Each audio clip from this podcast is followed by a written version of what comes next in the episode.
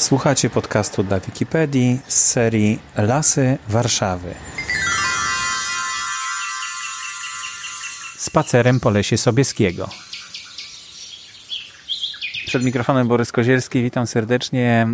Wybraliśmy się na kolejny spacer e, w Warszawie e, do Lasu Sobieskiego. E, jest taka prawie deszczowa pogoda, ale nie pada na szczęście. Jest ze mną Adrian Uszkiewicz. Dzień dobry i Bartosz Popczyński. Dzień dobry. E, I wybieramy się do właśnie lasu na praskiej stronie, mm, Las Sobieskiego. I tą wycieczkę rozpoczynamy od skrzyżowania ulicy Jagiellońskiej i Zachodniej.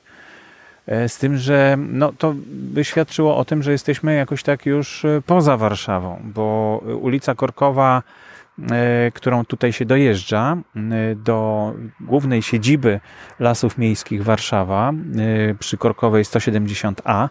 No i jest już tak właściwie już poza Warszawą. No rzeczywiście mogłoby na to wskazywać, nawet sama nazwa ulicy Jagiellońskiej, przecież wiemy, że ona znajduje się na Pradze, całkiem spora ulica, a tymczasem tutaj mamy powtórkę, czyli pytanie, czy ona się duplikuje. Wilanowska też jest tutaj ulica, przecież mijaliśmy ją. I wiele innych. Bo okazuje się, że Wesoła była e, osobnym tworem aż oddzielnym od Warszawy aż do 2002 roku. I w 2002 roku Wesoła została przyłączona do Warszawy jako jedna z dzielnic Warszawy. I radni uchwalili, że nie będą zmieniali nazw ulic, które tutaj się znajdują, więc bodajże 260 ulic się z Wesołej dubluje z nazwami warszawskimi, dlatego warto dodawać, że jesteśmy na ulicy Jagiellońskiej w Warszawie Wesołej, to wtedy już będzie jasność, jeśli wysyłamy jakieś kartki, no to mamy pocztowe, to mamy łatwiej, no bo po kodzie pocztowym możemy wtedy e, poznać, a my rzeczywiście z ulicy Jagiellońskiej w Warszawie Wesołej skręcamy w, do siedziby Lasów Miejskich na ulicę Korkową 170A, no i zaczynamy... Ale y, jak tutaj dojechać jeszcze powiedzmy, A, bo, e, bo tak nie każdy może samochód ma i rower ewentualnie, ale tutaj można dojechać autobusem komunikacji miejskiej. Jak najbardziej. Wysiadamy na przystanku Jagiellońska. Jest to skrzyżowanie Jagiellońskiej z Korkową, a zatrzymują się tutaj autobusy 115 i 173. I stamtąd jakieś 3 minutki trzeba iść w kierunku tutaj ulicą Jagiellońską w kierunku zachodniej i jesteśmy właśnie na tym skrzyżowaniu, e, gdzie no, takim największym napisem jest e, oczko wodne i zaraz tam pójdziemy. E, to ciekawie brzmi. A... Można dodać, że najnowszym, bo widać, że tablica jest nowa i rzeczywiście niedawno zostało otwarte oczko wodne wraz z całą infrastrukturą terenową. Jaką to będziemy tam przychodzili, mm -hmm. więc mhm. na pewno zobaczymy. I widać też e, drogowskaz Lasy Miejskie Warszawa Biuro, bo właśnie tutaj, e, już możemy iść chyba, tak?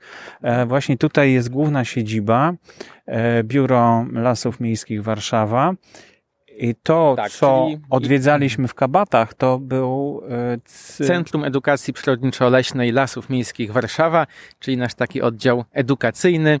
Natomiast e, tu rzeczywiście, jeśli ktoś chce załatwić jakieś sprawy kancelaryjne, dostać e, potwierdzenie, podanie, sprawy biurowe, to właśnie udaje się na Korkową. Czyli po edukację udajemy się do Lasu Kabackiego do Centrum Edukacji Przyrodniczo-Leśnej Lasów Miejskich Warszawa, a po sprawy biurowe udajemy się właśnie na Korkową 170A.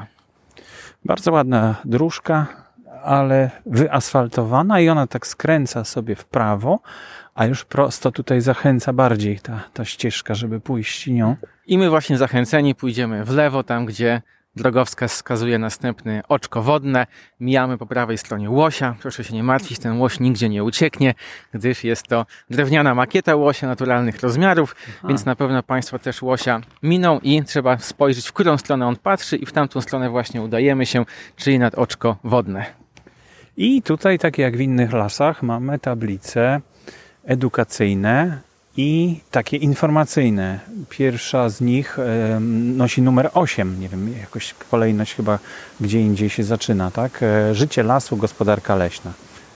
Tak, dokładnie. Jest parę słów o gospodarce leśnej, bo trzeba powiedzieć, że e, wiele osób nie zdaje sobie sprawy dokładnie, czym się zajmuje leśnik, a tu jest takie krótkie wytłumaczenie. Bardzo krótkie, bardzo pobieżne, ale jednak jest to jakieś y, wytłumaczenie tego, no, czym ten leśnik się zajmuje, bo to nie jest tak, że leśnik idzie do lasu i liczy drzewa, jak niektórzy myślą, albo karmi sarny, tylko to te zadania trochę inaczej wyglądają. No, ale A chyba szczy- też, tak? E, No tak, ale jeszcze na terenie Warszawy to już w ogóle zupełnie, zupełnie in, inna jest specyfika pracy, e, bo te lasy cały czas się mieszają z zabudowaniami, w związku z tym to jest troszeczkę co innego. No a co do tych takich standardowych, powiedzmy, e, tych takich, no tego co ludzie mają w myślach, jeżeli chodzi o zawód leśnika, tak, czyli z czym się, czym, czym, czym kojarzą, z czym sobie wyobrażają, czyli to karmienie saren, no to też oczywiście jak najbardziej. Zresztą będziemy cho- przechodzili obok paśnika, to może wtedy coś więcej powiemy na ten temat. E, Zaczyna się tutaj też ścieżka zdrowia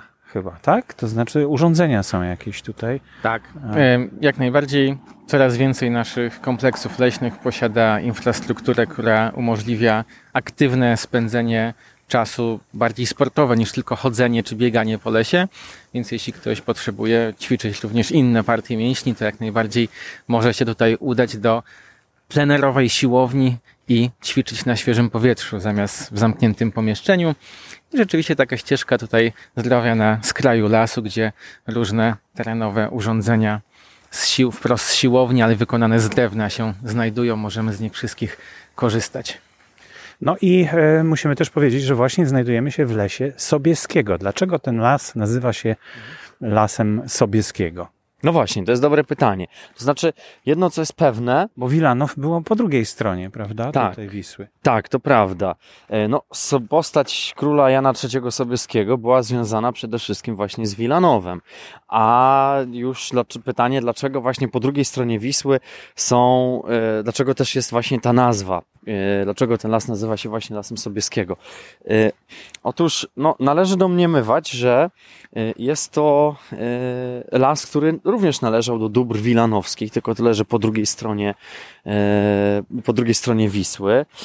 No i akurat no, Las Kabacki podejrzewam, że od naprawdę bardzo dawna, bo sama wieś w ogóle Kabaty je liczy sobie naprawdę bardzo setki lat i podejrzewam, że dlatego właśnie Las Kabacki nazywa się Lasem Kabackim, bo był przy miejscowości Kabaty. Natomiast no, skoro ta nazwa już była zarezerwowana, już ten las od zawsze się tak nazywał, no to e, chciano jakoś uhonorować tego króla Jana III Sobieskiego, dlatego, dlatego właśnie e, nadano nazwę może temu lasowi, ale to do końca też nie jest pewne. Doszliśmy do skrzyżowania i skręcamy w prawo, tak? Tak, skręcamy Tak, e, w tak. prawo, żeby dojść właśnie nad e, oczko wodne, więc e, to oczko już tutaj dwa kroki i widać, więc myślę, że Państwo nie będą mieli problemu też z trafieniem.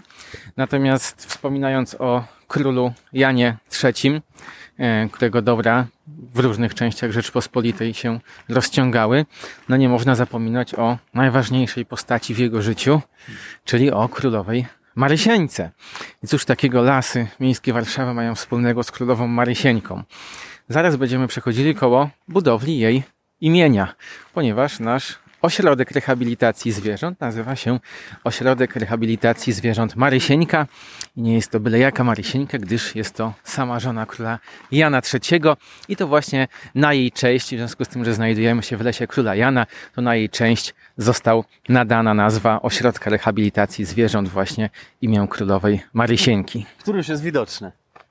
Po prawej stronie taki Tak. budynek, tak? Tak, To tam, dokładnie. aha. Z tym, że to wygląda jako jeden duży budynek. No i tak właśnie jest, ale tak na dobrą sprawę to ta część znajdująca się bliżej oczka, tu gdzie są zaparkowane samochody, zresztą jeden na przykład ten biały Toyota, to właśnie służy do przewozu zwierząt, no to właśnie to jest ta część, która należy do e, ośrodka rehabilitacji dzikich zwierząt. Natomiast cała pozostała część, no to jest e, budynek lasów miejskich, główna siedziba. A doszliśmy do właśnie do oczka wodnego. To takie uroczysko, bardzo ładnie tutaj jest rzeczywiście. Stanowisko dla rowerów, można przypiąć rower. Są toalety takie przenośne. E, są ławeczki, ścieżki, e, trzcina na środku tego oczka wodnego. No takie sympatyczne miejsce. Bardzo nawet. I to przez to, że jest tutaj bardzo dużo wody, y, jest to taki właśnie teren niedawno zrewitalizowany. Y, bardzo przyciąga wiele osób. Y, Zresztą mamy nawet tutaj przykład, prawda? Jest tutaj, są dzieci, tam też ktoś, ktoś siedział, prawda, przed chwilą jeszcze na ławce. No ludzie naprawdę tutaj bardzo chętnie przychodzą. Wędkarz Tak, i tak. kaczka pływa. Tak, i jest tak. Kaczka pływa dokładnie, kaczki się tutaj lęgną, bo są e, tutaj też młode kaczki, o czym warto wspomnieć. E, też tutaj się pojawiają. Widzi, widzieliśmy je, co prawda teraz nie widzimy, ale one gdzieś na pewno pływają. Podejrzewam, że tam w trzcinach się teraz chowają. Jeszcze warto zaznaczyć, że mamy e, lipiec mm, i w lipcu, no jak to w lipcu, co prawda dzisiaj może nie jest taka lipcowa pogoda typowo, słoneczna, upalna nawet, e, wręcz przeciwnie, ale tak, możemy iść dalej, ale jest bardzo niski stan wody, bo na przykład jakbyśmy przyszli tutaj zimą, to ta woda mogłaby być praktycznie, no tu gdzie idziemy, to nawet mo- mo- mogła się, mogłaby się woda pojawiać. Natomiast e, zasadniczo ten poziom wody jest znaczą, znacząco teraz obniżony. Jeszcze warto dodać, że jednak e, leśnicy starają się dbać o wodę, o zasoby wody, bo e, coraz mniej tej wody jest. Nie tylko mam na, tu na myśli wodę pitną, e, ale w ogóle wodę e, taką, która znajduje się właśnie w jakichś jeziorkach, takich e, stawikach. Takie, takie właśnie miejsca też w lasach wysychają. W związku z tym warto właśnie wspierać, no bo przecież no woda to życie. Także tam, gdzie jest woda, tam będzie życie i naprawdę to nie tylko przyciąga wiele osób, ale też i wiele zwierząt. No i też wiadomo, rośliny też mają tutaj bardzo dogodne warunki do życia. Tak, a w To jest- kwestii mhm. zwierząt ja jeszcze chciałem dodać, bo cały czas jak tutaj jesteśmy, to towarzyszy nam śpiew pewnego ptaka. Wydaje mi się, że spokojnie się nagra, będzie można go posłuchać, a zresztą cały czas on śpiewa. Bartek bardzo dobrze imitował odgłos wydawany przez tego ptaka, więc jakbyś Bartek mógł jeszcze raz zaprezentować, co, jak on śpiewa. Ja nie zrobię tego dokładnie, ale to tak powiedzmy, że przekładając na język ludzki mniej więcej wygląda tak slip, slap, slip, slap, slip, slap. I to jest taka ciekawostka e, językoznawcza już może, bo Brytyjczycy, naród bardzo praktyczny wydaje mi się, nazywają gatunki ptaków od tego właśnie jak one śpiewają, więc po angielsku ten ptak nazywa się po prostu chiffchaff. No bo robi chiffchaff. E, I to nie jest jedyny gatunek w języku angielskim, który właśnie ma taką dźwiękonaśladowczą nazwę, a my raczej naród y, polski może bardziej romantyczni jesteśmy i nazwaliśmy go pierwiosnek.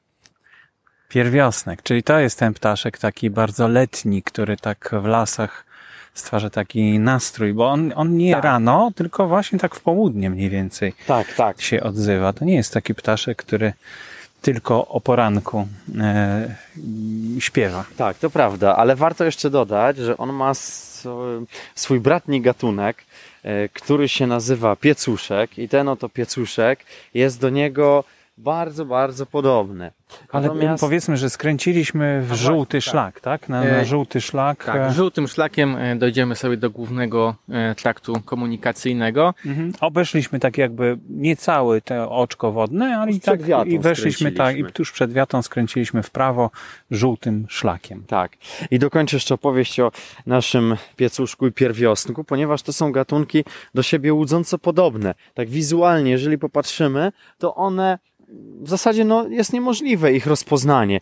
E, Zresztą no, wśród naszych wszystkich krajowych gatunków jest bardzo dużo takich gatunków, które, e, dużo takich ptaków, które bardzo ciężko jest rozpoznać po ich wyglądzie, bo mają do siebie bliźniacze, bliźniacze podobne gatunki. Typu na przykład poza pierwiostkiem czy piecuszkiem to może być też sikora uboga czy czarnogłówka na przykład, e, pełzacze też, pełzacz leśny, pełzacz ogrodowy, no i mógłbym jeszcze parę innych gatunków takich wymienić. Natomiast rzeczą charakterystyczną i co jest właśnie piękne wśród ptaków, że w momencie kiedy ptak się odezwie, to wtedy możemy właśnie rozpoznać dokładnie gatunek. A tutaj mamy Samicę kosa, tak, która dosyć mocno hałasuje, bo szuka jedzenia. Tak jest, więc ptaki można usłyszeć nie tylko jak śpiewają czy się odzywają, ale też jak różne inne rzeczy robią, dzięcią na przykład jak bębni, a samica kosa jak przebiera liście i szuka tam właśnie sobie swojego posiłku.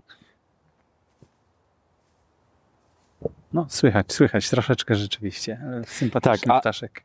A zwróćcie też uwagę, że w ogóle nas się nie bała. To jest to, tak jak już spotykaliśmy wcześniej kosy, to faktycznie z kosami jest tak, że one y, robią swoje, nie zważają na człowieka. Można się bardzo blisko do nich zbliżyć, można podejść naprawdę na, czasem to są dwa metry, półtora metra nawet i one w ogóle nie będą uciekały.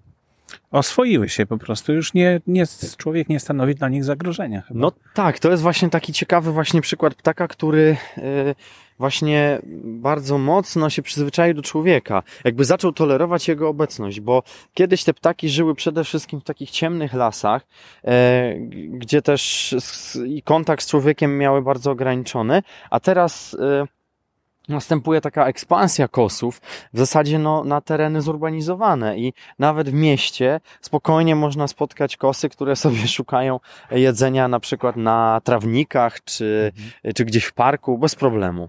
Doszliśmy do takiego pięknego drzewa. Mam nadzieję, że jak e, słuchacze idą z nami, to jeszcze to drzewo rośnie. Ono jest takie stare dosyć, ale, ale chyba jeszcze postoi, prawda? Myślę, że tak. Myślę, że na pewno jeszcze postoi. To jest oczywiście dąb, bo u nas w kraju właśnie dęby słyną z tego, że e, osiągają e, wysokie, wysokie, no dosyć duże wysokości, chociaż to nie są najwyższe drzewa, to trzeba też sobie powiedzieć, e, ale też i naprawdę ich średnica może być imponująca. No tutaj to myślę, że tak powoli, powoli zbliża się ten dom do jednego metra, także jest naprawdę już bardzo ładny rozmiar, osiąga. No i warto jeszcze zaznaczyć, że tutaj w ogóle w Lesie Sobieskiego jest sporo takich dębów, które e, no, osiągnęły na przykład wiek 200 lat albo nawet i więcej. Także to jest też. A ten o średnicy jednego metra mniej więcej to ile ma lat? No właśnie, to jest bardzo dobre pytanie, bo e, wiele osób często pyta, e, no to jak tam, jak, jak myślisz, ile tak, jak myślisz, jaki to będzie, ile, ile lat ma to drzewo? No więc tak na dobrą sprawę, to na, na to, jak wygląda drzewo, E, ma wpływ wiele czynników, chociażby to na przykład na jakiej glebie rośnie. E, jeżeli rośnie na żyznej glebie, to też rośnie szybko i w związku z tym wygląd fiz- e, wygląd no, zewnętrzny drzewa e, niekoniecznie przekłada się na wiek. To nie Aha. zawsze jest tak, że jak jest grube drzewo, to musi być bardzo stare. Zresztą najstarsze drzewa, to tak od razu obalę ten mit, no bo najstarsze drzewa świata wcale nie wyglądają na jakieś bardzo grube, bardzo sędziwe, tylko po prostu wyglądają na zwykłe drzewka, które mają może kilkadziesiąt lat maksymalnie. Mhm. Doszliśmy do kolejnego skrzyżowania. Tutaj krzyżuje się czerwony szlak rowerowy, czerwony szlak pieszy. No i my jesteśmy na żółtym szlaku i idziemy dalej tym żółtym szlakiem chyba, tak? Czy, tak, czy ale też y, idziemy w stronę rezerwatu, rezerwatu y, ścisłego. Jest też drogowska. Tak, tak jest y, w lesie uroczysku króla Jana III Sobieskiego. Znajduje się też wydzielony rezerwat ścisły, do którego mhm. już wejść e, nie można, ale, ale prowadzi do niego, e, tak i wzdłuż tego rezerwatu będziemy szli do bardzo ciekawego miejsca, dojdziemy którego nie będziemy jeszcze zdradzać jakiego, ale znajduje się tutaj tablica właśnie, że w stronę rezerwatu króla Jana III prowadzi szlak żółty, ale też widzimy, że jest strzałka, gdzie powinniśmy się udać. I wchodzimy też na taką drogę, która mm, świadczy o pewnym uporządkowaniu tego lasu, bo do tej pory w tej leśnej dróżce to tak troszkę taka ścieżka leśna była, prawda? Taka kręta. Natomiast tutaj już widać takie bardzo jasny podział e, i te skrzyżowanie też tamtych dróg e, pozostałych też sugeruje, że tutaj jakiś taki porządek jest nadany temu lasowi. Takich, taki troszeczkę jak w kabatach chyba. Tak, rzeczywiście, bo mm, a czy w ogóle może powiem o tym, że ta droga, jeżeli dobrze pamiętam, to w zeszłym roku była wyremontowana, także jest y, świeżo wykonana, zresztą widać, bo ona się bardzo mocno wyróżnia od całej reszty, prawda? Jest mhm. jasna, taka piaseczkiem przykryta utwardzona, w związku z tym, e, no też żadnych dziur nie ma, naprawdę na całej długości jest taka równiutka jak stół, także e, droga dopiero co wykonana, świeżo oddana do, do, do użytku. Natomiast e, faktycznie Las Sobieskiego, który warto zaznaczyć też jest takim lasem, który po, no, jest pozostałością po Puszczy Mazowieckiej. W związku z tym jest naprawdę bardzo starym lasem i to jest też jeden z nielicznych lasów w Warszawie, który nie powstał na przykład po wojnie, bo wiele lasów właśnie było sadzonych e, po wojnie, po prostu tereny były zalesiane i tak, tak, tak, tak narodziły się te lasy. No ten las już istniał, zresztą nawet z, są tutaj ślady z II wojny światowej, ale może o, o tym powiemy sobie troszeczkę później. Natomiast chciałbym powiedzieć, że w tym lesie jest e, taki klasyczny właśnie podział na oddziały leśne i coś takiego ma mm, też e, Widać, widać to dobrze w na przykład lesie kabalskim, że tam i tu i tutaj zresztą też las jest podzielony na takie oddziały. One przypominają kształtem, jak popatrzymy sobie z góry na prostokąty i właśnie tymi liniami oddziałowymi, czyli dzielącymi poszczególne oddziały od siebie, są właśnie drogi, które najczęściej przecinają się ze sobą pod kątem prostym. A to jest uwarunkowane jakąś koniecznością dbania o ten las? Dlaczego te drogi są takie, no takie równoległe, tak jak w mieście troszkę to wygląda? Trochę tak, rzeczywiście. Może to tak troszeczkę zaburza taką naturalność lasu. E, można by się tutaj mm, spierać. Natomiast e, rzeczywiście no jest to e, bardzo wygodne, jeżeli chodzi o użytkowanie tego lasu, bo czy to ze względu na dla służb, dla tych, którzy się zajmują tym lasem, czy na przykład chociażby dla, też dla turystów, ale też trzeba pamiętać o straży pożarnej, która musi wszędzie dojechać. Zresztą my szliśmy e, przecież tak, drogą pożarową. Oznaczenie e, drogi pożarowej e, W29. Tak, dokładnie, tak, tak. tak. Więc mhm. ta droga musi spełniać normy odpowiednie, żeby mógł nią przejechać mhm. ciężki sprzęt pożarny. No i jak widać, bardzo dobrze ten normy spełnia. Doszliśmy do ławeczki po lewej stronie. Tych ławeczek tutaj jest troszkę wzdłuż tej drogi, ale po lewej stronie głębiej troszeczkę w lesie jest paśnik. Może podejdziemy do niego? E, możemy troszeczkę do niego podejść, dlatego, bo w lesie poruszamy się tutaj wyznaczonymi szlakami, więc do paśnika przede wszystkim podchodzą e, zwierzęta, E, zimą, żeby mieć, posilić się, ale też oczywiście podchodzą osoby, które tym paśnikiem się opiekują, czyli na przykład nasz leśniczy jak najbardziej tutaj uzupełnia jedzenie.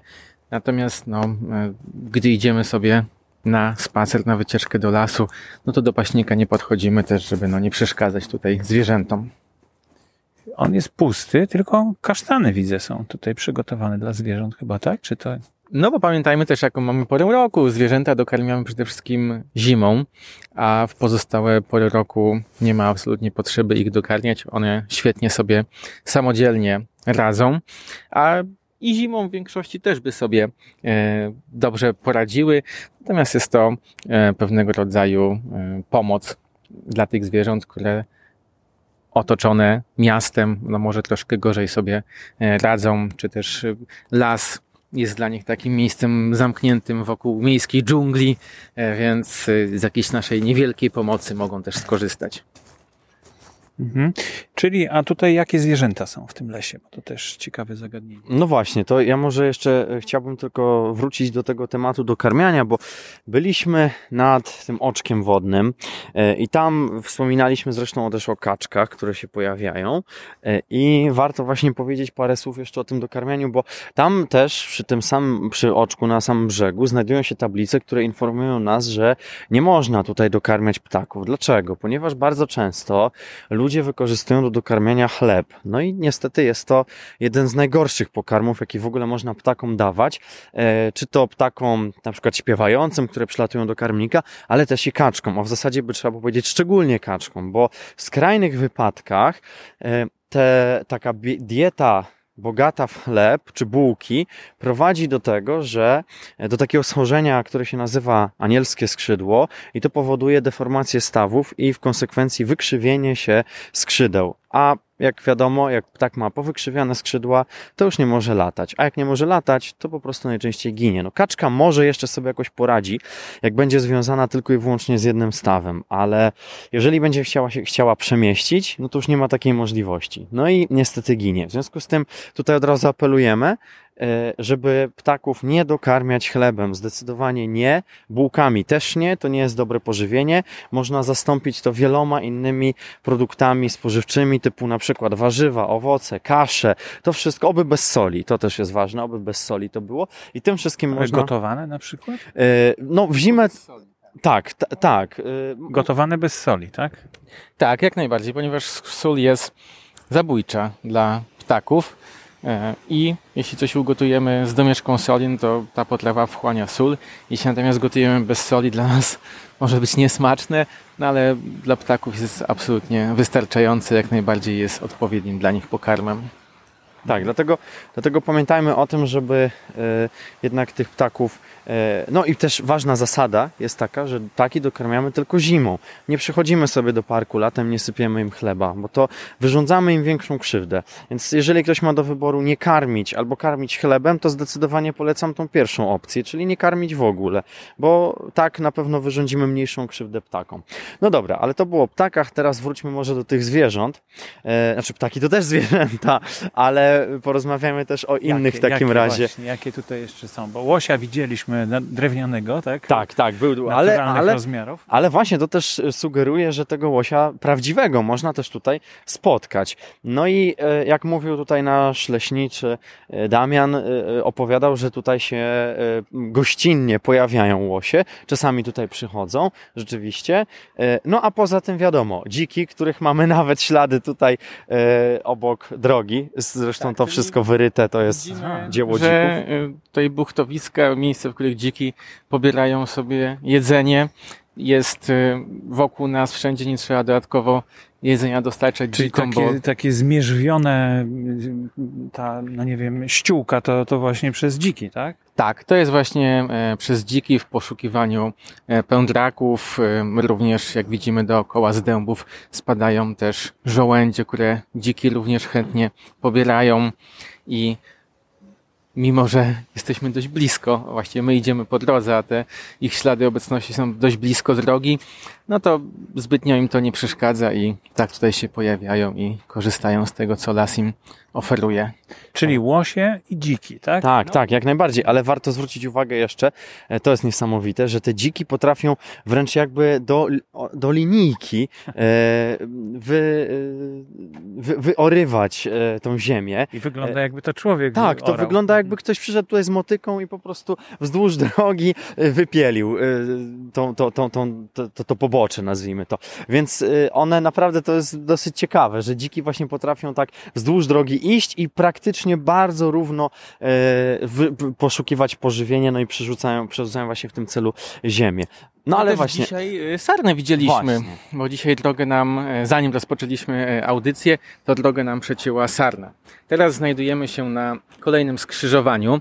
E, Jeśli ktoś miałby jakieś wątpliwości, to doszliśmy właśnie do rezerwatu przyrody. Jest czerwona tabliczka o tym informująca. Obszar Natura 2000 też. też, więc dokładnie wiemy, gdzie się znajdujemy. My będziemy skręcali w lewo, tak żeby pójść wzdłuż e, wschodniej ściany tego rezerwatu, a my będziemy szli na południe tym razem. I warto jeszcze dodać, jeśli zgubimy się w lesie, to możemy tutaj poszukać słupków oddziałowych, ponieważ las podzielony na oddziały, każdy oddział ma nadany swój numer, żeby by dokładnie wiedzieć, jak, w jakim oddziale jesteśmy, to musiało to zostać jakoś oznaczone nie tylko na mapie. Jest to też oznaczone w terenie. I możemy spojrzeć, taki tutaj właśnie słupek się znajduje tak. tuż przy koszu na śmieci, jeśli nie wiemy gdzie szukać. Słupki są umieszczone w Z południowo... prawej strony, Mhm. jak doszliśmy, to tak po prawej stronie, Tak za jest. śmietnikiem. Jak mamy kompas, y, to możemy wiedzieć, że słupki są umieszczone w południowo-zachodniej części oddziału. Czyli tu jest granica pomiędzy czterema oddziałami, ale jak kompasu nie mamy, to możemy też wiedzieć, że słupek mniej więcej wyznacza północ.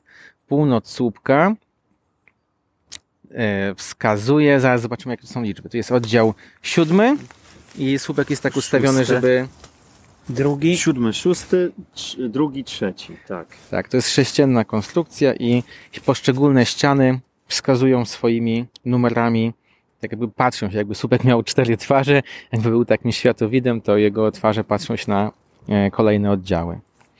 I tam, gdzie mamy najmniejsze liczby, tam znajduje się północ. Po, pomiędzy najmniejszymi tutaj, czyli mamy tam północ. Czy ta Aha, krawędź pomiędzy, pomiędzy najmniejszymi liczbami. Mhm. Tak, między tak. dwójką a trójką tutaj. Aha, wyznacza. Ten, ten, ten, wierzchołek wskazuje na tak, północ, dokładnie, tak? dokładnie tak. No i my teraz będziemy w takim razie na tym skrzyżowaniu skręcamy w lewo i idziemy wzdłuż, wzdłuż ogrodzenia. Tak, wzdłuż drewnianego, tak, wzdłuż drewnianego ogrodzenia i mamy też tablicę, że wchodzimy do e, rezerwatu przyrody, rezerwat imienia króla Jana Sobieskiego. E, został powołany, to w ogóle jest pierwszy rezerwat w ogóle powołany w Warszawie. Został powołany tuż po wojnie w zasadzie, tak, można byłoby powiedzieć. Zmieniliśmy szlak, bo jeśli ktoś by chciał Aha. się zorientować, miałby wątpliwości, że tutaj nagle zmienił się kolor, to tak, zmieniliśmy szlak, teraz idziemy szlakiem zielonym. Tak, dokładnie. I został on powołany w 52 roku. Także e, naprawdę no, sobie ludzie zdali sprawę, że warto ten, ten obszar e, chronić. I ma on powierzchnię 100, 114 hektarów. No i został powołany e, po to, żeby chronić drzewostan dębowo-sosnowo-lipowy. No a taki szczególny przykład drzewostanu dębowego, to zobaczymy za chwilę po naszej prawej stronie, ale to może nie będziemy zdradzać, co to będzie, tylko jak już dojdziemy, to o tym opowiemy. Ten las wydaje mi się rzeczywiście taki przepełniony dębami, faktycznie, bo jest ich bardzo dużo. Po drodze widzieliśmy i to wcale nie takie młodziutkie te dęby, tylko rzeczywiście już e, mające swoje lata, wysoko rosnące i taki malowniczy przez to jest ten las, nie tak jak e, inne lasy w Warszawie, bo już mogliśmy je wcześniej oglądać. Tutaj właśnie specyfika chyba tego lasu polega również na tym, że jest tutaj więcej dębów. Czy dobrze tak jakoś oceniam, czy... Bardzo dobrze e, i w dodatku no nie, nie chcemy wyprzedzać, bo te miejsce, do którego właśnie teraz zmierzamy, chyba budujemy tak powoli napięcie, też ma w swojej nazwie coś wspólnego z e, dębem, więc jeszcze chwila cierpliwości. Natomiast jest to też las mieszany, ponieważ widzimy, że również e, no, sosna sosny, ale sosna właśnie widzimy, że jesteśmy na takim terenie piaszczystym, tutaj bardzo dobrze ona się przyjmuje. Natomiast po prawej stronie też idziemy wzdłuż płotu. No i trzeba pamiętać, że jeśli mamy do czynienia ze zwierzętami, to one sobie bez problemu czy pod, czy nad przejdą i właśnie ta sarna, którą dzisiaj rano z Bartkiem spotkaliśmy, przeskoczyła bez problemu przez e, ogrodzenie tego płotu, nie przejmując się w ogóle tym, że wyszła z rezerwatu i przeszła sobie dalej. Natomiast my w tym miejscu już wyjątkowo musimy się pilnować, ponieważ e, znajdujemy się tuż przy granicy z rezerwatem i my tego płotu przeskakiwać już nie możemy. Czyli to, co się znajduje za płotem, to jest taki dziewiczy teren, do którego nikt nie wchodzi, nic tam się nie, nie porządkuje w żaden sposób tych, e, tych terenów? Tak, dokładnie, z tym, że trzeba byłoby powiedzieć jeszcze, że jednak e, to nie jest tak, że on jest postawiony, zostawiony zupełnie sam sobie i nikt tutaj nic nie robi, tylko jednak no, pamiętajmy o tym, że funkcjonuje coś takiego jak ochrona czynna i ta ochrona czynna polega na tym, żeby na przykład coś właśnie, jakieś zabiegi wykonywać w lesie, ale to tylko dlatego, żeby ten las miał się e, lepiej, a nie gorzej, żeby tylko e, ten, temu lasowi pomóc, a nie zaszkodzić. No, wiele osób niestety tego nie rozumie, nie jest w stanie przyjąć do wiadomości, że e, no, pewne zabiegi są czasami konieczne, żeby utrzymać pewne środowiska. A właśnie cały czas troszeczkę budujemy to napięcie, bo właśnie też będziemy o tym mówić e, przy tym, co za chwilę zobaczymy, bo gdyby nie konkretne zabiegi e, ochronne, to tego czegoś, co za chwilę będzie, nie, nie byłoby, po prostu by nie istniało, bo by zarosło. W związku z tym czasami trzeba naprawdę wziąć tą piłę, kosę, nawet nie tyle piłę, ale kosę po prostu i wykosić. Zresztą tutaj mogę podać jeszcze taki przykład, co prawda może nie związany z Warszawą, ale e, przecież bagna biebrzańskie w dużej mierze jeszcze są bagnami, dlatego że właśnie się je wykasza. I jest to jak najbardziej potrzebny proces. Kiedyś robiło to bydło, e, dzisiaj coraz mniej się wypasa to bydło w, na tych bagnach, w związku z tym bagna zarastają i gdyby nie e, osoby, które, nie kosiarze, nie, nie ci, którzy koszą te, te, te, te bagna, no to tych bagien po prostu nie było. Tutaj za chwilę będziemy mieli podobną sytuację. A jeszcze przed y, mijamy cały czas po lewej stronie dużo borówki, która e, wkrótce nam obrodzi jagodami. e, więc jest to bardzo dobre pożywienie dla zwierząt, które przyciąga liczne ptaki, kosy, drozdy, ludziki bardzo chętnie sobie korzystają z tego dobra. No, my też możemy, tylko pamiętajmy, żeby też umyć owoce przed spożyciem. Ale tutaj, tutaj warto jeszcze powiedzieć o takiej jednej ciekawej rzeczy, e, bo Adrian mówi o borówkach i to może być czasami dla niektórych osób bardzo mylące. Otóż e, można by zapytać, no jakie, jakie, gdzie tam borówki można w lesie zbierać? Przecież to są jagody. No otóż jest to ta sama nazwa, z tym, że borówki mogą być różnego gatunku. My mówimy tutaj o borówce czarnej, czyli to jest po prostu jagoda, zwyczajnie mówiąc jagoda. Ale czasami e, niektórzy, jak się, niektórym jak się powie borówka, to mają na myśli borówkę amerykańską, no, której w lesie nie spotkamy. E, mijaliśmy też e, kilka jarzębów, na których e, rośnie jarzębina, czyli właśnie też tak hiperpoprawnie powinniśmy powiedzieć, że drzewo to jest jarząb, natomiast jego owoce to jest jarzębina. No i z tej jarzębiny też bardzo chętnie korzystają ptaki, dokładnie te same, które korzystają też z borówki. Jaki tutaj oprócz dębów i y, sosny, jakie tutaj jest drzewostan? Bo rzeczywiście widać, że ten las jest jakiś inny, jakiś taki starszy chyba. Z tego, co, co mówicie, wynika, że to być może właśnie to jak gdyby decyduje o tym, jak ten las wygląda. E, ale co tu jest takim przedmiotem szczególnej opieki e, w tym lesie? Bo gdzieś tam słyszeliśmy o tym, że jakieś obce gatunki tutaj są zasiewane, prawda? Tutaj akacjowiec, czy jak on tam się nazywa? Ruminia, tak? Rowinia, rowinia, tak, dokładnie. Chociaż powiem szczerze, jak tutaj idziemy, to tej robini jeszcze nie widziałem do tej pory. Natomiast yy, muszę powiedzieć, że yy, lipa jeszcze, prawda? O, która na przykład rośnie sobie tutaj, proszę bardzo. Tutaj mamy lipę, jedną, drugą, trzecią i tak dalej, i tak dalej. E, więc y, to o tym wspominałem też, bo właśnie e, to, ten las, e, ten rezerwat właśnie powstał po to, żeby chronić te drzewostany dębowo, sosnowo, lipowe, więc to mhm. też jest dosyć istotny fragment. Ja A. chciałbym zwrócić uwagę, że jakoś tak nam się świetliście po prawej stronie zrobiło, no właśnie. więc y, mam no nadzieję, że Państwo też to zauważą, że idąc takim lasem, który ze swojej definicji daje dużo e, cienia, e, jest gęsto, E, tutaj, więc mniej światła się przedostaje, a nagle po prawej stronie ten las się rozświetla, wręcz blaskiem nas razi i rzeczywiście jest to ten wyjątkowy na skalę europejską obszar. Jest to mianowicie Dąbrowa Świetlista. Jeśli Państwo nie wiedzą, co to jest, chcą samodzielnie się dokształcić, to mamy tablicę edukacyjną informującą właśnie o tym miejscu. Natomiast Dąbrowy Świetliste, co ciekawe, nie powstały w sposób naturalny. Jest to miejsce, gdzie było wypasane bydło i w lesie. W lesie, mhm. tak, y, gdzie właśnie okoliczni chłopi korzystali z lasu do wypasu bydła i bydło robiło to, co robi, czyli zjadało. E, szukało pożywienia. Szukało pożywienia, tak. Wypasali, żeby ono się tutaj najadło. Więc y, mieliśmy takie naturalne kosiarki, które ogałacały tą niższą warstwę, najniższą warstwę w lesie, powodując duże przyświty. I rzeczywiście widzimy, że jest tam polana, e, że dęby, same dęby tam rosną i dość e, w dużych odległościach, porównując to do pozostałych części e, lasu, ale dzięki temu mogły się tam rozwinąć rośliny, które no, są dość cenne przyrodniczo. Bo światło dochodzi dzięki temu, że jest rzadziej, prawda? Tych drzew troszkę mniej.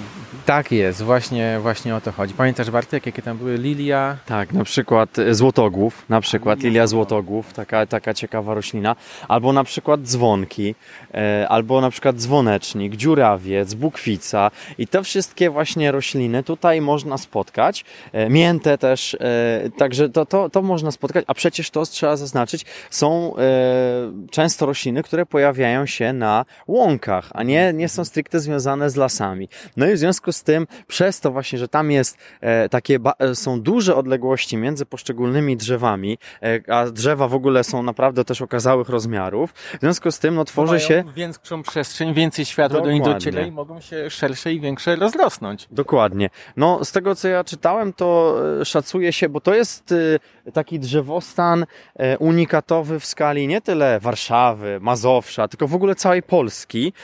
Niestety takich drzewostanów mamy coraz mniej, dlatego lasy miejskie dbają o to, żeby zachować właśnie ten, ten drzewostan, który, których no w Polsce jest naprawdę niewiele. No szacuje się, że w całej Polsce jest około 200 hektarów. E, ten płat, który my tutaj widzimy, no to ma mniej więcej, powiedzmy tak, e, pi razy oko, około jednego hektara, może półtora hektara. Także nie jest mhm. duży. Są dwa takie płaty. Jeszcze w niedalekim, niedalekiej odległości jeszcze jest e, drugi taki płat. No warto to chronić naprawdę, bo to jest coś niezwykłego. I tutaj właśnie chciałem jeszcze nawiązać do tej ochrony czynnej, tak, bo właśnie gdyby y, tego, co jest na samym dnie się nie kosiło, to w końcu by to zarosło. Ale przez to właśnie, że tą rolę niegdyś, jaką pełniło bydło, a teraz musi to po prostu pełnić człowiek, no bo wiadomo, dzisiaj nikt tutaj z krowami nie wchodzi do lasu. W związku z tym, no my musimy przejąć tą rolę, my musimy zacząć o to dbać, no i my musimy po prostu starać się utrzymać to cenne środowisko.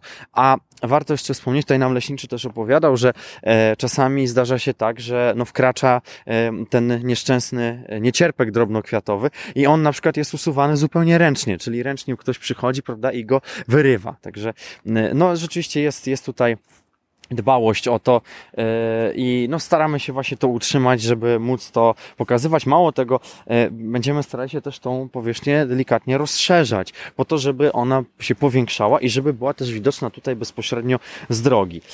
A ja mam do Ciebie takie pytanie, Adrian. A powiedz, co będziesz robił w 2038 roku?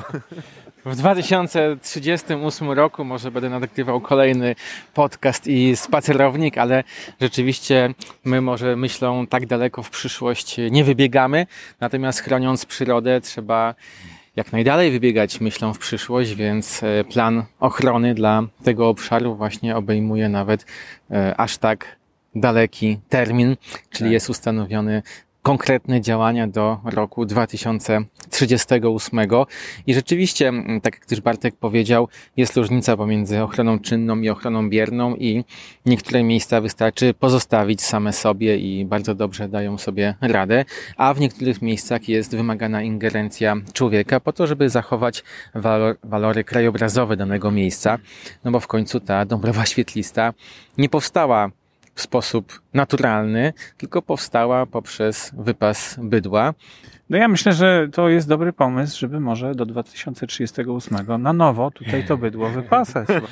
No, myślę, że byłoby to na pewno ciekawa inicjatywa i um, kto wie, kto wie, co do, tego 2038 roku um, będzie. No bo ja nie sądzę, żeby to był jeden czynnik, to znaczy taki, mm, że możemy zastąpić to po prostu e, kosząc E, te rośliny, bo no, bydło jak, jak zjada, to też to wydala, prawda? Mhm. I, I też e, zostawia te placki krowie na przykład w takich miejscach i one też prawdopodobnie mają wpływ na to, jak ta ściółka, jak ten, jak ten teren wygląda, a tutaj no tak chyba człowiek tego nie, nie jest w stanie zupełnie zastąpić. To ja powiem może więcej, ale y, proponuję, żebyśmy szli dalej, więc tak, doszliśmy do tak, skrzyżowania, doszliśmy do skrzyżowania, to jest taka brama wjazdowa do rezerwatu, oczywiście nie wjeżdżamy tutaj, ona służy tylko dlatego, żeby właśnie na przykład utrzymać ten rezerwat, czyli dla służb, które się zajmują tym rezerwatem, to wtedy wjeżdżają, natomiast my skręcamy w lewo i idziemy sobie cały czas prosto. W35 5 to tak jest, jest taki to jest droga też... pożarowa. Dokładnie. E, natomiast y, my będziemy szli teraz na wschód, a tak, pamiętajmy, że mamy cały czas słupki oddziałowe i możemy sprawdzić, e, jakie są tutaj numery naszych oddziałów, więc na naszym słupku od strony południowej będziemy mieli oddział 15 i 14, a od strony północnej nie pamiętam, muszę sprawdzić. Podejdziemy do takiego słupka, ja zrobię mu zdjęcie i będzie też w notatkach do audycji. Tak, 7-6, tak, dokładnie 7-6. Mhm, dokładnie tak. Bo to nam pomoże też e, orientować się. Jak najbardziej. Po to, po to one właśnie są postawione. Będziemy teraz e, szli drogą wzdłuż pomiędzy oddziałami 6 i 14. Czyli skręcamy w lewo tablica Życie lasu, przystanek piąty, ochrona przyrody. Y, Tutaj też jest kilka rodzajów tych tablic chyba, prawda? Bo Tak, niektóre- Mhm. tak, tak, jak najbardziej. Także tych tablic tutaj sporo jest. Można się naprawdę sporo dowiedzieć o lesie, e, poczytać o owadach, o ptakach, e, o tym w ogóle czym jest las, właśnie jak wygląda praca leśników. Także e, sporo można się dowiedzieć przechodząc sobie e, przez las. Nie tylko tutaj można zadbać o e, wrażenia wizualne, ale też i troszeczkę o swoją wiedzę. E, Jeżeli chodzi, ja wrócę do tego tematu e, tych odchodów, no bo to Aha. też wbrew pozorom jest też bardzo ciekawy i potrzebny przyrodzie temat. Więc jak to jest z tymi, z tymi e, odchodami? Otóż, jeżeli chodzi o odchody, to one przecież skupiają wokół siebie też bardzo dużo owadów. No a jeżeli owadów, to i zwierzęta, które się tymi owadami żywią. Dokładnie. No, Więc- Cały ekosystem się tworzy. Dokładnie, dokładnie, więc jak widać odchody też są ważnym elementem, e, no może nie, nie powiem, że ekosystemu, tak, ale no konkretnego jakiegoś tam frag, fragmentu. E, Tutaj akurat właśnie to była ta Dąbrowa Świetlista. E, No teraz tego nie ma, tak, teraz tego nie ma, no ale mimo wszystko i tak warto naprawdę o to zadbać i jeżeli ma to być nawet wykonywane ręką człowieka, to na, dla takiego widoku e, warto to zachować, bo naprawdę muszę powiedzieć, że jak tam się wejdzie, to to jest niespotykane. To człowiek aż się e, dziwi, że coś takiego e, może, może, może zaobserwować. Tak, możemy też na przykład zaobserwować ślady bytności różnych zwierząt i tutaj pięknie na dębie widać, właściwie już e, dęba prawie nie ma, ale na pozostałości po, Po lewej stronie dębie, od tak, drogi, tak? e, widać ślady bytności dzięciołów, ponieważ te e, drewno jest całe rozkute w poszukiwaniu właśnie różnych owadów, które na e, drewnie żerowały. Dzięcioły tutaj sobie przylatywały. No i widać od góry do dołu udało im się rozkuć i na pewno wspaniałą stołówkę tutaj miały. To też trzeba zdjęcie zrobić, bo możliwe, że już e, niedługo tego, tego drzewa nie będzie, prawda? Ja nie wiedziałem, że to są, to są ślady właśnie e, dzięcioła, tak? To tak wygląda. Aha. Po prostu jak gdyby zdrapana jest kora taka zewnętrzna z tego drzewa i e, jak gdyby po, w poszukiwaniu właśnie tych owadów, tak? Które tam w środku żerują. Tak. Tak, y, różne ślady na różnych y, drzewach mamy. To akurat dość y, blisko naszej ścieżki było, więc warto było na to zwrócić uwagę.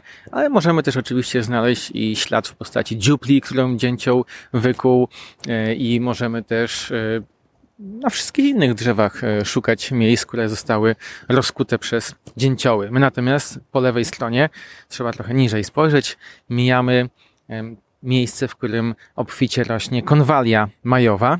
Tak, sporo jej tutaj właśnie przy drogach, e, przy tych ścieżkach jest. e, która w maju kwitnie, więc my mamy już lipiec, ona już e, przekwitła. Jak Państwo będą w maju, to proszę koniecznie zwrócić uwagę, jak to taki piękny, biały dywan powstaje właśnie z kwiatów konwali. No i pewnie pachnie uroczo. I też uroczo pachnie, natomiast e, trzeba też uważać, bo konwalia ma- majowa jest rośliną mocno trującą, więc e, nie spożywamy. Mhm. Takich roślin trujących to pewnie tutaj jest więcej, dlatego lepiej ostrożnie z nimi, tak? I nie, nie te borówki na przykład, to wiadomo, że są tak e, jadalne, bo to jest jagoda, ale są też inne e, niebezpieczne m, takie rośliny. Jakie to są jeszcze? Znaczy tu akurat y, z tej, ta konwalia powiedziałbym, że jest chyba najbardziej niebezpieczna, bo nawet y, znane są przypadki, gdy używana do produkcji perfum powodowała śmierć osób, które tych perfum używały, jeśli ona była niewłaściwie wydestylowana. A pachnie rzeczywiście pięknie i te olejki eteryczne, które w sobie zawiera, są bardzo silne, ale też trzeba uważać, żeby toksyny z konwali nie przedostały się do naszego wywaru perfumowego, bo rzeczywiście zdarzały się przypadki śmiertelne. Natomiast konwalia jest też substancją, zawiera też substancje lecznicze, podobnie jak na przykład e, dziurawiec, o którym sobie wcześniej mówiliśmy i też mijaliśmy go, bo dziurawca mieliśmy na początku naszej wędrówki, ale też tak jak Bartek powiedział, e, w niedaleko tej Dąbrowy Świetlistej można go było spotkać. Dziurawca poznamy dzięki nazwie, można go łatwo zidentyfikować. Ma dziury, tak? Bo ma dziurki, tak jest, ma dziurki w liściach. Jeśli te liście e, spojrzymy na nie pod słońce, pod światło, to widzimy, że takie niewielkie dziureczki tam się znajdują, a dziurawiec posiada właściwości antydepresyjne. Udokumentowane jest najbardziej, jak, jak najbardziej skuteczny, z tym, że trzeba wtedy uważać, bo gdy zażywamy dużą ilość dziurawca, to nie powinniśmy wychodzić na słońce, gdyż e, jego substancje, które się tam znajdują, negatywnie oddziałują, mogą nas uczulić właśnie na promienie słoneczne. Idziemy dalej prosto szlakiem zielonym. Po lewej stronie mm, mamy mm, kolejną tablicę edukacyjną. Po prawej stronie wiata to takie miejsce na odpoczynek i kopiec. Tu udało nam się tak e, wynająć mrówki, ponieważ przy tablicy z owadami e, podpisaliśmy umowę z mrówkami, żeby założyły mrowisko. E, oczywiście żartuję, te mrówki same z siebie tutaj założyły, albo może zobaczyły, że mamy tablicę i stwierdziły, a to my tutaj damy się łatwo obserwować i w zasadzie nie wiem jak to powiedzieć, że wpisały się w tą konstrukcję ławki, tak, jak najbardziej. Chodzą sobie i e, rzeczywiście o, tu mają wejście e, do ich mrowiska się znajduje e, i mm, pamiętajmy, że to jest nie tylko konstrukcja, która jest e, widoczna nad poziomem ziemi, ale też może sięgać w głąb ziemi. E, no, zaskakujące, że tak wykorzystały tą e, ławkę do tego, żeby zbudować to sobie tutaj swój dom. No ale zrobiły to i my powinniśmy to uszanować. E, może niekoniecznie akurat z tej ławki korzystać do siadania, albo bardziej wykorzystać tą część, gdzie mrowiska nie ma. E, natomiast można właśnie je pięknie obserwować. O proszę, one mają nawet wejście w tej wejście ławce. ławkę, tak, dokładnie. Wynoszą tutaj e, pokarm sobie, wnoszą do środka mrowiska. Rzeczywiście przy gwoździu jakby ktoś y, nie znalazł. Jeszcze przy gwoździu znajduje się taka szpara, w zasadzie trzy obok siebie, przez które te mrówki wchodzą do środka i przez całą ławkę przechodzą i wchodzą aż do środka mrowiska tutaj, więc no, niesamowici budowniczowie. No myślę, że ta ławka tutaj stanowi jakąś ochronę przed deszczem na przykład, prawda? Bo ten deszcz... Tak, przed zalaniem tego mhm. mrowiska też może stanowić. Tam dużo piachu jest wyniesione też przez te mrówki chyba ze środka jakiś taki materiał budowlany. E, no ale cóż, idziemy dalej. E, dalej tą drogą e, w kierunku to jest jaki wschodni. kierunek? Północny, wschodni, tak? Wschodni, mhm. tak. To jest kierunek wschodni. wschodni, dokładnie. A ja może jeszcze nawiążę tutaj do takiego wydarzenia historycznego, które miało miejsce, bo też warto po powiedzieć, że ten las jest a w zasadzie wtedy to jeszcze nie był las tak naprawdę, bo e, jak pójdziemy sobie dalej, jeszcze właśnie cały czas prosto tutaj w tym kierunku wschodnim, to moglibyśmy dojść do takiego e, malutkiego wzgórka, na którym znajduje się kamień. I ten kamień upamiętnia pierwsze jawne i w zasadzie chyba jedyne ćwiczenia wojskowe e, pod okiem, e, znaczy pod okiem, no podczas okupacji, kiedy, kiedy nasz kraj jeszcze nie był wolny, bo to miało miejsce w 1917 roku. E, a, a tutaj ćwiczył wojsko sam Piłsudski. I właśnie jemu jest poświęcony ten, ten kamień. On miał być w ogóle w, w 1900 w 1918 roku został postawiony, miał być później wysadzony, no przetrwał do dzisiejszych czasów. No i jest taką właśnie pamiątką, nawet e, parę zachowało się zdjęć z tamtego okresu i właśnie widać, że tam lasu nie było. Dzisiaj jakbyśmy tam doszli, to już zobaczymy, że kamień jest e, pośrodku lasu. E, no i to jest taki mm, no, bardzo ciekawy przykład, że te tereny właśnie służyły do tego, aby no, Polacy ćwiczyli e, i no to były jakby działania zmierzające do odzyskania niepodległości. 20... No bo tutaj Piłsudski mieszkał gdzieś w Sulejówku niedaleko. Dokładnie, dokładnie tak, ale warto zaznaczyć, że wtedy jeszcze jak odbywały się te e, ćwiczenia, to nie był jeszcze e, marszałkiem, tylko wtedy no tak. był brygadierem, taki miał właśnie stopień, a w ogóle napis na tym kamieniu brzmi następująco. Na polach Wawra i Zielonej w dniu 29 kwietnia 1917 1917 roku Józef Piłsudski, ucząc Polaków bić się za wolność, ćwiczył ochotnicze wojsko zebrane potajemnie w polskiej organizacji wojskowej. No ładne historyczne tereny się okazuje też. Dochodzimy do kolejnego skrzyżowania, też bardzo malownicze skrzyżowanie. Te drogi są tutaj niesłychanie no takie urokliwe, takie zasklepione e, i, i te dęby takie stare po obu stronach drogi, przez cały las tutaj nam bardzo pięknie towarzyszą przez cały czas. Tak, W35, W29. To wszystko drogi pożarowe, natomiast my cały czas też możemy się ćwiczyć w naszej orientacji w terenie. E, zanim Państwo dojdą do kolejnego słupka oddziałowego, niech Państwo spróbują sobie przypomnieć, jakie numery powinien on mieć. E, no bo skoro idziemy od przecinki siódmej po naszej lewej stronie, no to wydaje mi się, że następna powinna być ósma. Możemy sprawdzić, czy ja dobrze zapamiętałem Jest jednocześnie nasze tutaj po lewej stronie. zdolności Mhm. do zapamiętywania e, poćwiczyć. E, Resztka po ósemce a no tak, bo zapomniałem powiedzieć, że tak. e, w drugą stronę powinna być e, ósemka, bo tu się liczby zmniejszają. No, czyli nawet ja sam muszę jeszcze poćwiczyć. tak. 14, 13. Taki słupek tutaj widzimy. Zrobię mu też zdjęcie, będzie w notatkach do audycji albo na stronie na Facebooku, będzie można znaleźć te informacje. Y, Czyli co, gdzie idziemy? Zasadzie Dalej zielonym ja szlakiem? Myślę, że, ja myślę, że tu to jest dobre miejsce do tego, żeby zakończyć nasz spacer, bo mamy tak na dobrą sprawę, mamy tak na dobrą sprawę e, trzy drogi, do których możemy, trzy drogi, do, które możemy teraz sobie obrać. Możemy właśnie pójść prosto, czyli zbliżać się w stronę tego kamienia pamiątkowego, o którym przed chwilą mówiłem. E, można sobie pójść w lewo, czyli do naszej e, głównej siedziby e, Lasów Miejskich, czy do Oczka Wodnego, albo można pójść w prawo w stronę ulicy Bronisława Czecha. Także mamy naprawdę tutaj wybór, e, można przejść e, gdzie się tylko chce i jest to naprawdę, każ- w każdą stronę jest poprowadzona bardzo dobra droga. Ja też zachęcam do tego, żeby tutaj się wybrać na rowerze, bo to jest taki las, który jest naprawdę bardzo dobrze udostępniony dla rowerzystów, bo po, poza tym, że są oczywiście szlaki, to drogi są naprawdę utwardzone, bardzo dobrze się po nich jedzie. Rower szosowy też przejedzie, także śmiało można Natomiast jeździć. Pan Bronisław Czech y, zachęca nas, żeby po lesie poruszać się również zimą na nartach, ponieważ Bronisław Czech był multimedalistą w y, Polski w konkurencjach y, zimowych, w skokach narciarskich, w kombinacji alpejskiej, również w Tatrach wytyczał nowe trasy wspinaczkowe, więc e, niezwykła e, postać, słynna właśnie szczególnie ze sportów zimowych.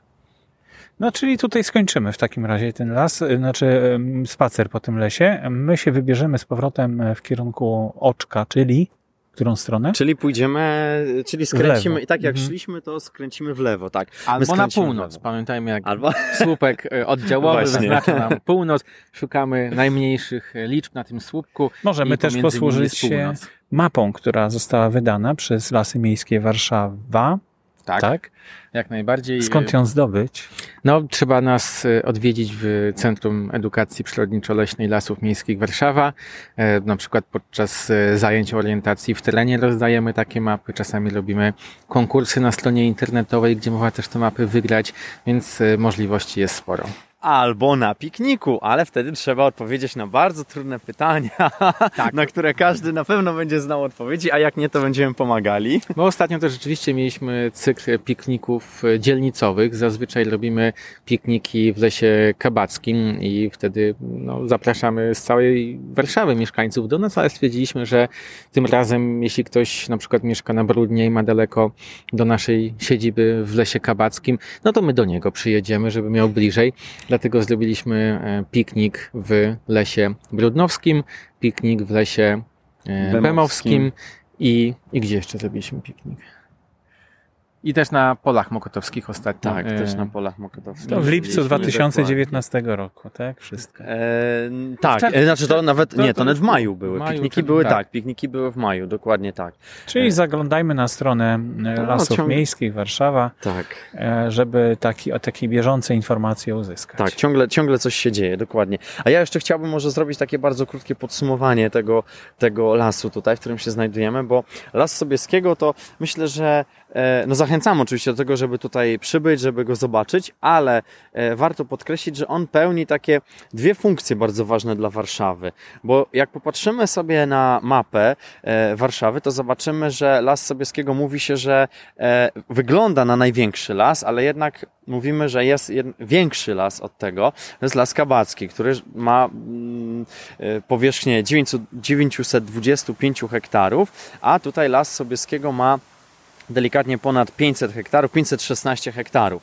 Natomiast jak popatrzymy właśnie na mapę, to wygląda, że on jest dużo większy, ale to za sprawą tego, że on jest po prostu dosyć mocno podzielony, tak rozczłonkowany, bo tutaj się wcinają w ten las zabudowania, lasy prywatne też. W związku z tym no nie stanowi takiego stricte jednolitego, ogromnego kompleksu leśnego, dlatego też jest drugim pod względem wielkości, jeżeli chodzi o Warszawę. Ale z racji tego właśnie, że jest tak ogromny, no to pełni tutaj taką ważną funkcję, takie, takie to są zielone płuca Warszawy. To jest jedna funkcja. Druga bardzo ważna funkcja jest jeszcze taka, że to jest po prostu korytarz ekologiczny. To jest też bardzo dobre miejsce do tego, żeby się przemieszczały tutaj zwierzęta. Dlatego też właśnie na przykład łosie tutaj się mogą pojawiać, prawda? Które się przemieszczają tutaj po tej południowej części, południowo-wschodniej części Warszawy. E, no lasy wawerskie akurat są bardzo dobrym do tego miejscem, więc tutaj naprawdę e, też no w sumie niedaleko jest do Wisły, w związku z tym no jest to na pewno jakiś potencjał.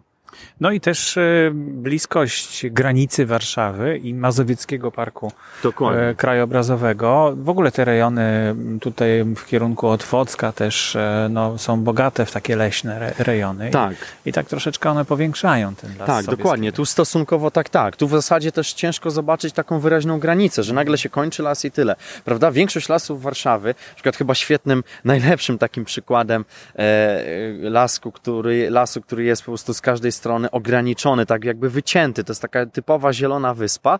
To jest lasek na kole, który praktycznie z każdej tak. strony jest albo zabudowany, albo znajdują się jakieś drogi. I to bardzo ruchliwe drogi. Natomiast jeżeli chodzi o ten las, to w zasadzie tak na dobrą sprawę, w ogóle Wawer cały, to tutaj te lasy cały czas się ze sobą przenikają. Później właśnie jeszcze te lasy e, blisko Otwocka, Mazowiecki Park Krajobrazowy, no także to jest naprawdę bardzo duży ciąg e, lasów. No zapraszamy do tego lasu w każdym razie. Można tutaj sobie jakąś dłuższą drogę wyznaczyć i wyjść poza ten las i wejść w inne lasy tutaj, które są w okolicach. E, no i cóż, i zapraszamy do innych e, spacerów, e, które już są nagrane i dostępne na stronie podcastu. Towarzyszyli mi Bartosz Popie- Popczyński. Popczyński. Dziękuję serdecznie. I Adrian Uszkiewicz. Dziękuję bardzo. To był podcast dla Wikipedii z serii Lasy Warszawy.